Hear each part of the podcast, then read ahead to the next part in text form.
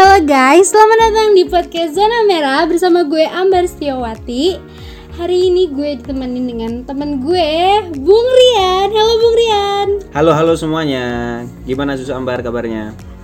Baik dong Bung, gimana Bung kabarnya? Alhamdulillah, kurang baik sih, cuman ya disyukurin aja. Wah, semoga cepat sehat ya Bun. Iya, nggak sakit juga sih Sus. Oh, nggak sakit ya Bung? Nggak, jangan doain gitu dong. Siapa tahu hatinya yang sakit, perlu diobatin nggak Bung? Ah, Enggak lah. Jadi mau bahas malam apa Oh nih? iya, sorry, malam Bung. apa nih? Mau bahas apa nih malam ini kita? Aduh, jadi nyeleweng nih Bung, maaf.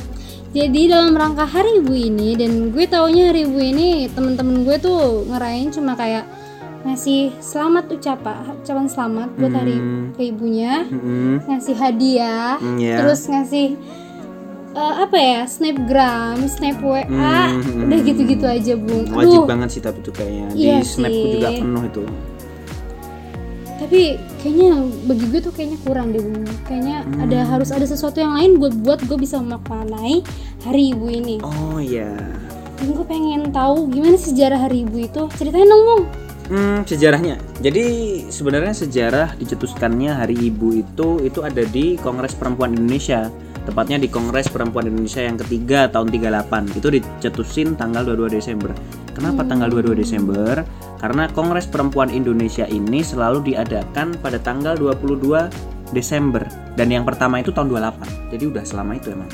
Jadi Kongres Perempuan Indonesia pertama atau biasa juga disebut dengan Kongres Kaum Ibu. Nah, kan ada kata-kata ibunya lagi. Wah, ibu-ibu. Iya, itu di tahun 1928. Tuh. Jadi itu adalah satu kongres di mana banyak organisasi-organisasi perempuan di seluruh Indonesia kumpul jadi satu membahas tentang perempuan. Gitu, Susambar. Wah, gila cuy. Ibu-ibu pada kumpul semua tuh, cuy. Iya, se-Indonesia lagi. Wah, gila. Biasanya ibu-ibu ngumpulnya arisan nih, cuy. Terus tiba-tiba sekarang ngumpulnya kongres. Gue pengen tahu deh. Isi kongresnya tuh apa aja sih, Bung? Nah, ini yang jadi menarik. Eh, kalau misal kita lihat pada tahun-tahun itu, tahun 1928, itu kan Indonesia masih dijajah Ember. Yo, iya betul banget. Mm-mm. Nah, jadi nggak mungkin dong bahas soal arisan dan segala macam. Nggak mungkin banget. Nah, jadi yang dibahas pada waktu itu tuh ya soal eh, kesetaraan gender karena pada saat itu hak laki-laki dan perempuan masih dianggap belum adil gitu. Belum didistribusikan dengan adil. Masih ada apa ya? Kalau sekarang dibilangnya patriarki gitu. Jadi masyarakatnya itu masih cenderung patriarki. Jadi pembahasannya ya mengenai kesetaraan gender itu. Tapi eh, ada refleksi nih dari tokoh eh, Soekarno. Jadi Soekarno ini menulis di hari ini bukunya kita kenal di bawah bendera revolusi ya. Di jilid 1 itu ada juga tulisan beliau soal Kongres Hari Ibu. Nah, dan di situ Soekarno merefleksikan eh, beliau berpesan ini tulisannya ceritanya dibikin sebelum Kongres Kaum Ibu itu diselenggarakan. Jadi beliau berpesan bahwasannya Kongres Kaum Ibu itu jangan hanya membahas soal kesetaraan gender dan emansipasi perempuan. Karena itu nanti belum akan menyelesaikan seluruh permasalahan di Indonesia atau Hindia Belanda pada waktu itu. Jadi em, kita kan waktu itu masih terjajah nih. Nah, harapannya perempuan itu jangan hanya mencari kesetaraan gender ke sesama laki-laki, tapi harapannya perempuan itu bisa bersama-sama dengan laki-laki, ya. Jadi bukan di belakang laki-laki, tapi bersama-sama dengan laki-laki memperjuangkan kemerdekaan Indonesia. Keren gak tuh? Keren banget ya, Ya keren. Jadi sejarahnya emang sekeren itu Hari Ibu itu. Jadi ya emang maknanya luas sih. Itu sebenarnya lebih ke gimana peran perempuan dalam eh, kalau pada waktu itu memperoleh kemerdekaan bangsa. Tapi kalau hari ini ya gimana kita mengisi kemerdekaan. Ya intinya itulah peran perempuan di negara ini. Tuh. Wah, kalau ngomong kayak gitu gue jadi keinget yang kata-kata Soekarno yang bagaikan burung mengepakkan dua sayapnya secara bersamaan Oh iya, itu gitu terkenal loh. banget sih itu terkenal banget jadi eh, Soekarno bilang laki-laki dan perempuan itu seperti kedua sayap burung jadi Hmm. ketika sama-sama kuat mengepak kiri dan kanan burung itu bisa terbang setinggi tingginya Oh iya betul banget Nah, sih. tapi di tulisannya yang kali ini, di tulisannya yang Kongres Kaum Ibu itu eh, ada analogi lagi. Jadi masih pakai analogi burung tadi. Misalnya ya, sayap kanan dan kiri udah mengepak sama-sama kuat. Ini laki-laki dan perempuan udah sama-sama kenceng lah sama-sama punya pikiran progresif dan sama-sama punya karya untuk negara tapi tetap aja sama kalau misal burung itu ada di dalam sangkar. Nah makanya uh, sayap burung yang kanan dan kiri yang udah sama-sama mengepak kuat itu kalau bisa ya digunakan untuk menembus sangkar keluar dari sangkar. Nah ini adalah metafora dari gimana kita bisa memperoleh kemerdekaan. Wih, kayak gitu. Gila sih, bisa diumpamain dengan burung doang ya ternyata. Karena ih gila, tapi panjang banget juga sih. iya lumayan sih emang Aduh, gue jadi pen- tambah penasaran lagi nih. Terus gimana sih cara maknainnya? Iya maknanya. Hmm, eh, ini nggak tahu juga sih. Tapi kalau menurut pengamatanku, anak-anak muda zaman sekarang itu cenderung memaknai Hari Ibu ini eh, sebagai eh, momen dia menyatakan terima kasih dan sayangnya kepada ibunya dalam konteks hubungan eh, ibu dan anaknya Yui. itu. Padahal eh, yang melatar belakangi sejarah Hari Ibu itu adalah eh, refleksi sebenarnya peran perempuan ini kalau di masa sekarang ya dalam pembangunan negara ini seperti apa. Jadi bukan hanya peran eh, ibu dalam konteks eh, rumah tangga, tapi juga kaum ibu ini dalam eh, bernegara itu seperti apa perannya. Karena peran seorang ibu itu besar loh. Banyak eh, tokoh-tokoh pergerakan ini yang eh, mengatakan bahwa eh, tiangnya negara itu itu adalah perempuan. Kalau baik perempuannya, baik juga negara itu. Kalau rusak perempuannya, rusak juga negara itu. Ada juga tokoh yang bilang seperti itu. Tokoh dari Turki kalau nggak salah, Kemal Pasha. Tapi aku agak gak lupa sih. Nanti bisa di inilah cross check sendiri lagi sama teman-teman. Jadi sepenting itu. Ada juga tokoh yang bilang bahwa kalau misal kamu punya dua anak laki-laki dan perempuan dan kamu tidak kuat untuk menyekolahkan, menyekolahkan keduanya, maka sekolahkan yang perempuan. Wow. Nah, kenapa? Karena perempuan inilah nanti yang akan mendidik anak-anaknya. Karena pendidikan itu dimulai dari eh, menyusui pertama kali. Hmm, hmm, hmm. Nah, jadi ya emang sebesar itu sih peran perempuan. Gitu, Zus. Gila, penting banget sih peran perempuan buat negara ini ya ternyata. Ha-ha, cuman masyarakat kita masih ini nggak sih melihat perempuan itu kayak ya perempuan itu nggak usah sekolah tinggi tinggi lah Iya cuy. Nah, perempuan itu ya jadi ibu rumah tangga aja lah ngurusin rumah gitu nggak sih Iya, yang perumpama apa ya yang di Jawa itu? Macak, manak, masak. ah iya Yang itu. ada lagi satu Apa tuh? eh, sumur dapur kasur Wah gila, gue baru tahu tuh yang itu. ya gitulah nah itu sebenarnya merupakan budaya yang ya kalau saya ditanya itu menurut saya tidak progresif tapi sebenarnya itu revolusi pemikiran dan revolusi mentalnya sebenarnya udah dimulai tahun 28 loh udah selama itu Wah gila sih. iya Tapi kenapa sampai saat ini tuh gender tuh masih terus dibela-bela terus?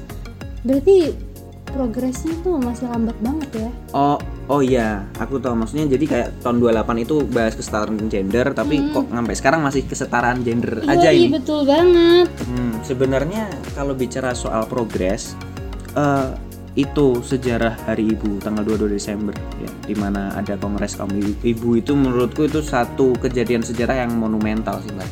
Itu luar biasa loh ibu-ibu di seluruh Indonesia kumpul. Yoi boy, biasanya cuma kumpul arisan, gosip-gosip. mikirin negara lagi. Mikirin negara cuy, gila. ya itu keren. Nah tapi apa yang kita warisi hari ini dari kejadian-kejadian sejarah yang monumental tersebut itu yang menurutku masih kurang hari ini.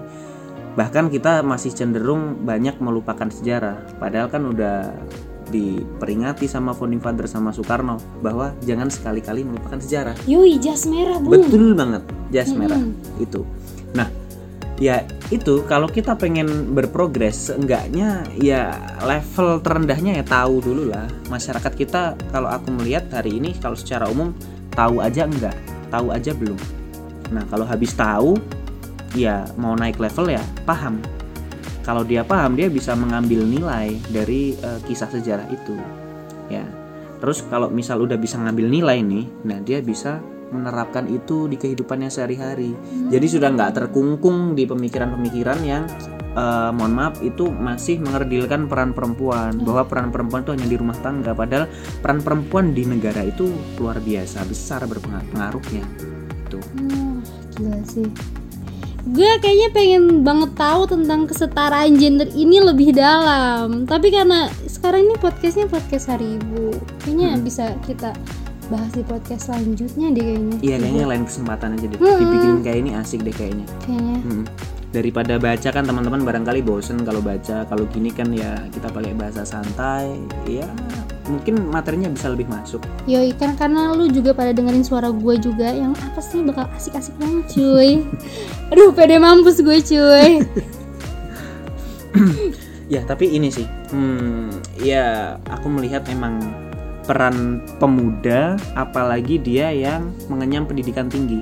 Pemuda yang terdidik itu menurutku itu harus mulai dari kita sih, Bar.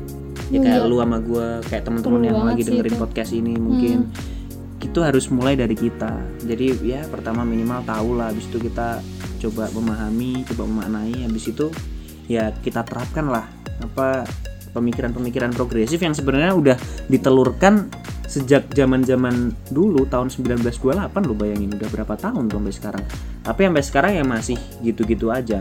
Bahkan nggak sedikit kan orang-orang yang sampai sekarang itu pemikirannya ah perempuan ngurusin rumah aja. Iya perempuan bisa apa sih? Nah, ya Paling gitu. seringnya itu sih cuy. Mm-mm, padahal tokoh-tokoh perempuan di Indonesia ini ada banyak banget. Banyak banget padahal.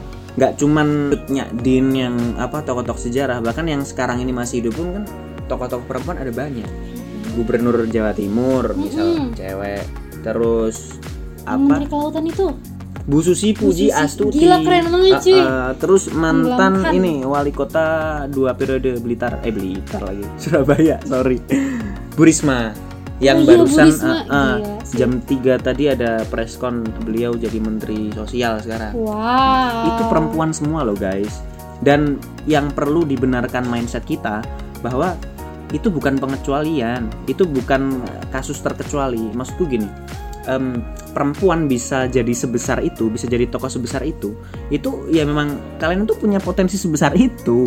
Itu bukan karena uh, bukan yang biasa-biasa aja gitu bukan yang ngambil peran yang remeh-temeh aja gitu.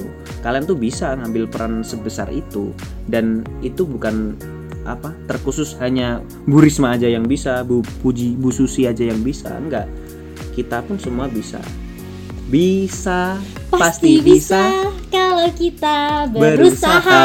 Gitu. Wow Kok jadi nyanyi gua Iya. Aduh Bung, udah cukup nih Bung spoilernya. Nanti temen-temen kayak tambah penasaran apa tambah bosen ya? ya hmm, barangkali ini udah cukup lama sih ya kita ngobrol bisa di continue next Udah time diakhirin aja deh Bung. Ibu mau pergi dulu atau saya dulu yang pergi? ini gimana nih Pokoknya? berarti gue pamit dulu ke lu terus lu pamit ke penonton gitu eh Iya penonton deh. pendengar Pendengar deng. Iya. Lu lu duluan yang pergi. eh udah gue cabut dulu ya. Ah, bye ya penonton balik dulu mar cabut dulu gue Yo, hati-hati Bung. yuts Oke, Bung Rian udah pergi dan gue ditinggalin sendiri kayak mantan yang ninggalin gua pada saat lagi sayang-sayangnya sakit boy. Ya ampun kenapa gue jadi curhat guys. Oke, tanpa berlama-lama lagi dan karena udah malam banget nih. Terima kasih yang sudah mendengarkan dan sampai jumpa di lain waktu untuk mendengarkan suara manisku. Dah semuanya merdeka. bar mual bar Ih, lu jangan spoiler dong. Aduh, gue jadi malu nih ketahuan gue nggak sendirian. Bye guys. Anggap aja nggak denger ya guys.